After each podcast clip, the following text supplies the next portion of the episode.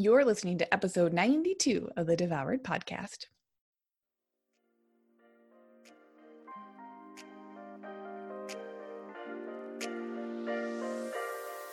Welcome to Devoured, the podcast for women ready to release the title of Dieter for Good.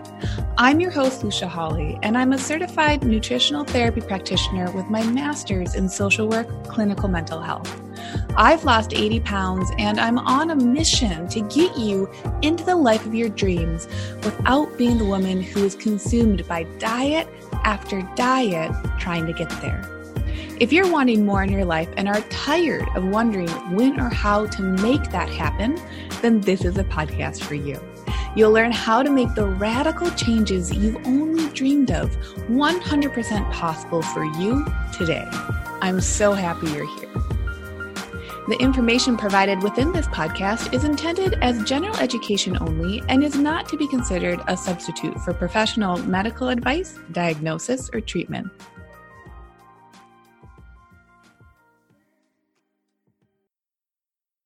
Hey, all you cool cats and kittens, welcome to another episode of the Devoured podcast. I record every episode, yeah, every episode here in my office at my house. And I have my desk set up so that I look out the window when I'm doing my computer work. And I just have to say, springtime here in Portland is so beautiful. Not only am I seeing this big tree in the front yard every day start to grow new, beautiful green leaves, and I actually have like a full tree instead of a bare tree that we had all winter. But neighbors' yards are full of cherry blossoms and apple blossoms, pear blossoms. It is just such a cool part of the country when it comes to flowering flora out in the world. So I'm holding this springtime in Portland near and dear to my heart because I just think it's a little silver lining in this time of quarantine while we're staying safe and staying home and doing our civic duty, if that's what is applying to you as well. So, I think because of the air of the current circumstance that we're in, which is quarantine 24 7, this is a great time to be talking about and making space for good and bad ways to lose weight a lot of, if not all of the clients who come to me when they sign up for Lean and Liberated method and they're in the program, they have a lot of stories that they're coming to, which is expected. We all have stories that we're bringing into our day to day lives, but they have a lot of stories around how weight loss should be, how weight loss has been, how they would like weight loss to be, and how it, for the most part, hasn't worked for them, or that lifelong weight loss has eluded them right? They feel like, well, how come other people have figured it out? And why can't I? Or why haven't I? So we do a lot of work. And the reason I'm bringing this back into this time of quarantine is that when we had the first week of buckling down and saying, like, wow, our, our job is to stay home and the ramifications of that, I decided to kind of bulk up the coaching options in Lean and Liberated. I opened up another day of private coaching sessions because I wanted to make sure that everyone who's in Lean and Liberated knows that they can lean on coaching to help their brains get out of the mind drama that is naturally going to come up in a crisis. So, what is mind drama? Mind drama is when our brains start to create or reinforce stories about our circumstances. And so, during a quarantine, even though we can be feeling decision fatigue, even though we might not want to be thinking about one more thing, as the dust starts to settle, it's a really fascinating time to actually double down on both what's important to us what old habits have still been in our subconscious and what we'd like to do about both of those. So, that first week of quarantine, I decided to open up and we're keeping that additional coaching so that they all knew that they don't have to go through this alone because we literally have been self quarantining and in isolation. But as humans, we function in networks and we function in communities. We process, a lot of us process verbally. It's really easy for us to get those thought patterns and story loops stuck in our heads. And then as we tell ourselves certain stories, we become rigid and inflexible. And the more we tell ourselves a certain story, the more we're going to believe it. So, a very common cultural story is that weight loss is hard. Weight loss cannot be easy. So, now that the dust is settling, and even though we cannot predict the future or when we are going to come out of quarantine, we can't predict what is going to be best for public health and public safety, no matter what the circumstance is, we are able to pursue a way of being throughout a crisis where we can look back later on and say, wow, I'm really proud of myself.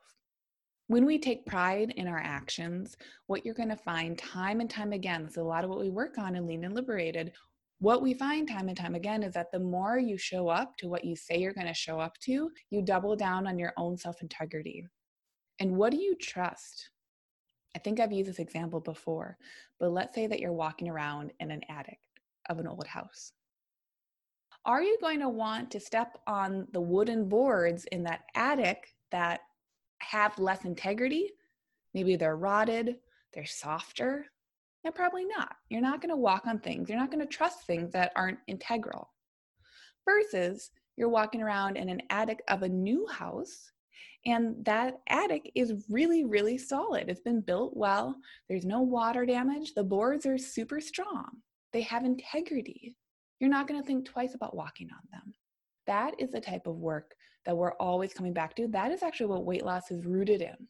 Okay, you start to develop some new knowledge around food and nutrition, your hunger, your appetite, and your emotions, right? The stories that you've created around your hunger, around your appetite, around your satisfaction, around what you do and don't deserve, around your body. If you've identified as a victim, if you want to identify something else, previous experiences, we have all these stories and we can start to believe that if we continue with those stories, then we're going to just get the same things. We believe that we are static. And so why I think it's so smart to talk about good and bad ways to lose weight this week is that we have to come back to, even in a crisis, even in a quarantine, even in a circumstance that we would never choose out of a list of a 100, we have to come back to recognize that we can still show up for ourselves in ways that are integral. And the more we choose self integrity, the deeper our self trust can grow. And so, if you look at anyone who has accomplished something that you want, most of the time it's coming from hard work. Well, we can have stories about other people's hard work, but I want you to know right here today that the best way to hack hard work is not to work yourself to the bone and get so burnt out and overwhelmed that you give up on a certain thing, which is what a lot of dieting does we diet so hard, we try to be so good at the diets that we just burn ourselves out and we can't even get up the energy to go do another diet. What if we were to approach hard work from a different angle? And what if we were to say, the hard work, the work that I show up to, is to continue to be consistent in my self integrity?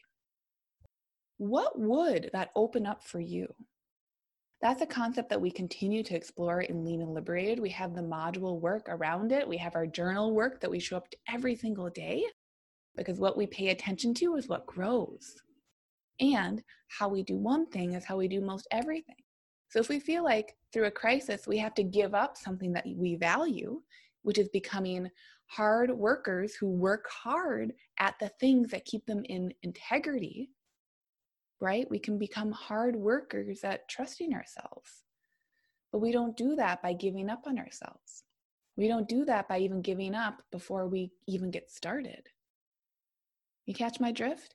So, this is how I want to have us be thinking about good and bad ways to lose weight because I could literally write down a list of do this, don't do that. Eat this way, don't eat that way eat low calorie. No, eat high calorie. Count your macros. No, count your calories. Eat vegan. Ah, eat vegan. No, eat paleo. Eat gluten free.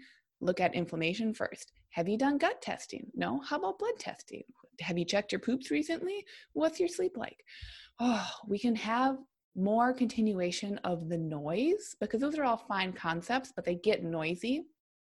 Or we can start to say, What if I allow myself to lose weight from a self integral place?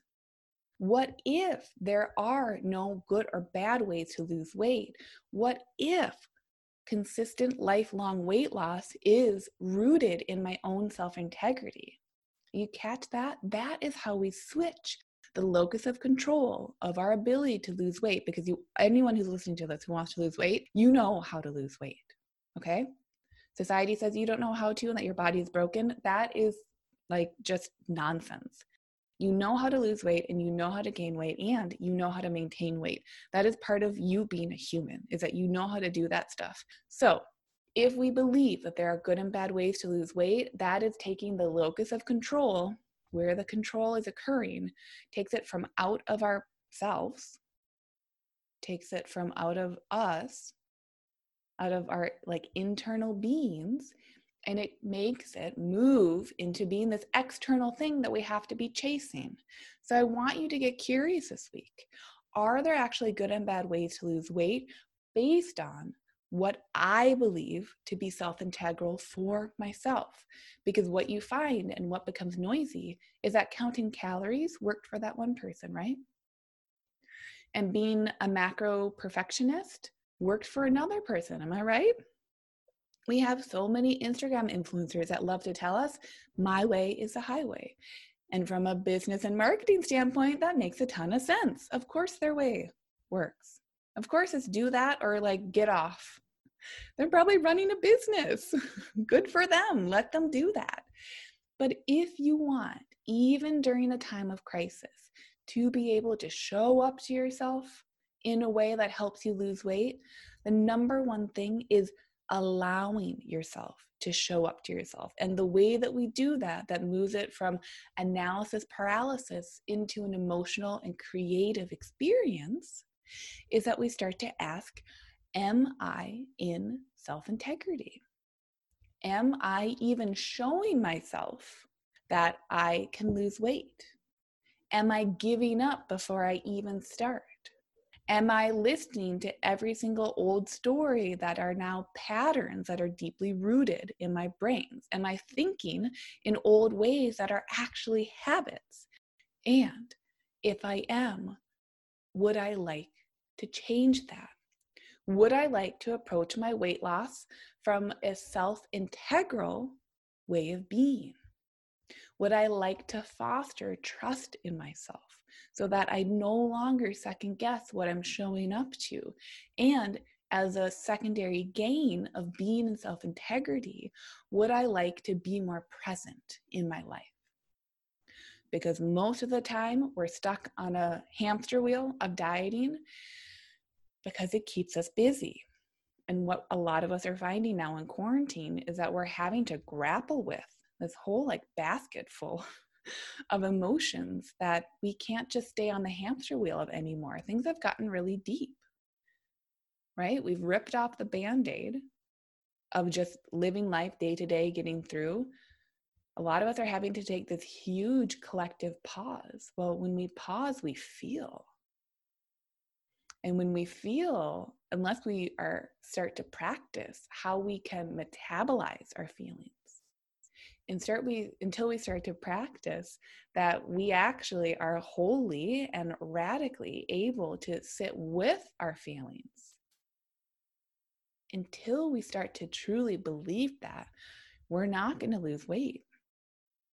And so if you feel at a standstill with your weight loss right now first off ask yourself why is that? And once you ask that and you can identify what feeling is coming up with the story that I'm hearing as I ask myself that, then you can start to say, oh, now I know what 1% change I could make. It's always going to come back to 1% changes. And why is that? Because that's how you build self integrity, my friends. If you want a dramatic change, think about if you were to make 1% changes every single day, right? The ones that you're just like, oh, that wasn't too bad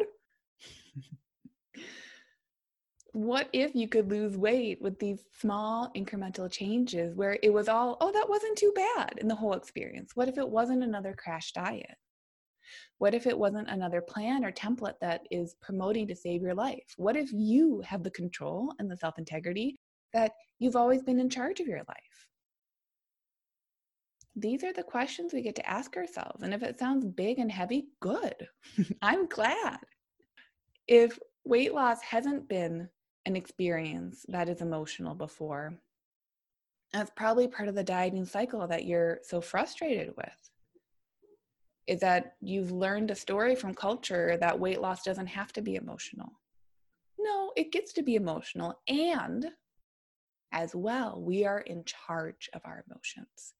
So, is it a good or a bad way to lose weight during a crisis that you're fasting or you're counting calories or you're looking at your macros or you have a plan or you don't have a plan? You're near your kitchen more, you're grocery shopping in larger bulk buys during the week. Those are all circumstances. So I need any of you who are curious about losing weight during a pandemic to ask yourself in what ways would I like to show up for myself now? Because in six weeks, can I look back and be proud of myself? Because when we look back with pride, that is us reinforcing that we were in self integrity. And the more you can show up to being in actions that are self integral, the more you will trust yourself. And weight loss is a beautiful trust fall. So I hope that was helpful. And if this brings up questions for you, I want to encourage you to go ahead, jump over, switch the app, go onto Instagram. And if you aren't following me already, come hang out.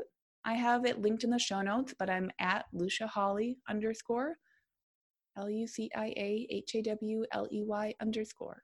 Type that in and shoot me a note. Let me know what's coming up for you as we have these conversations, as we have the collective chronic stress of being in a pandemic, as we hold that truth with the truth that we want to lose weight, that we want to come into a relationship with our food where it's serving us. We want to have the brain space and the decision space in our heads. We want to reclaim it because we want to show up to our lives more wholly and more fully. If those are some of the conversations that you're having in your head, come hang out with me on Instagram. You're going to find it really fun. And I am always down to be chatting and saying hi and making friends in the DM. Okay. I hope all you have a wonderful day, and I'll catch you on the next episode.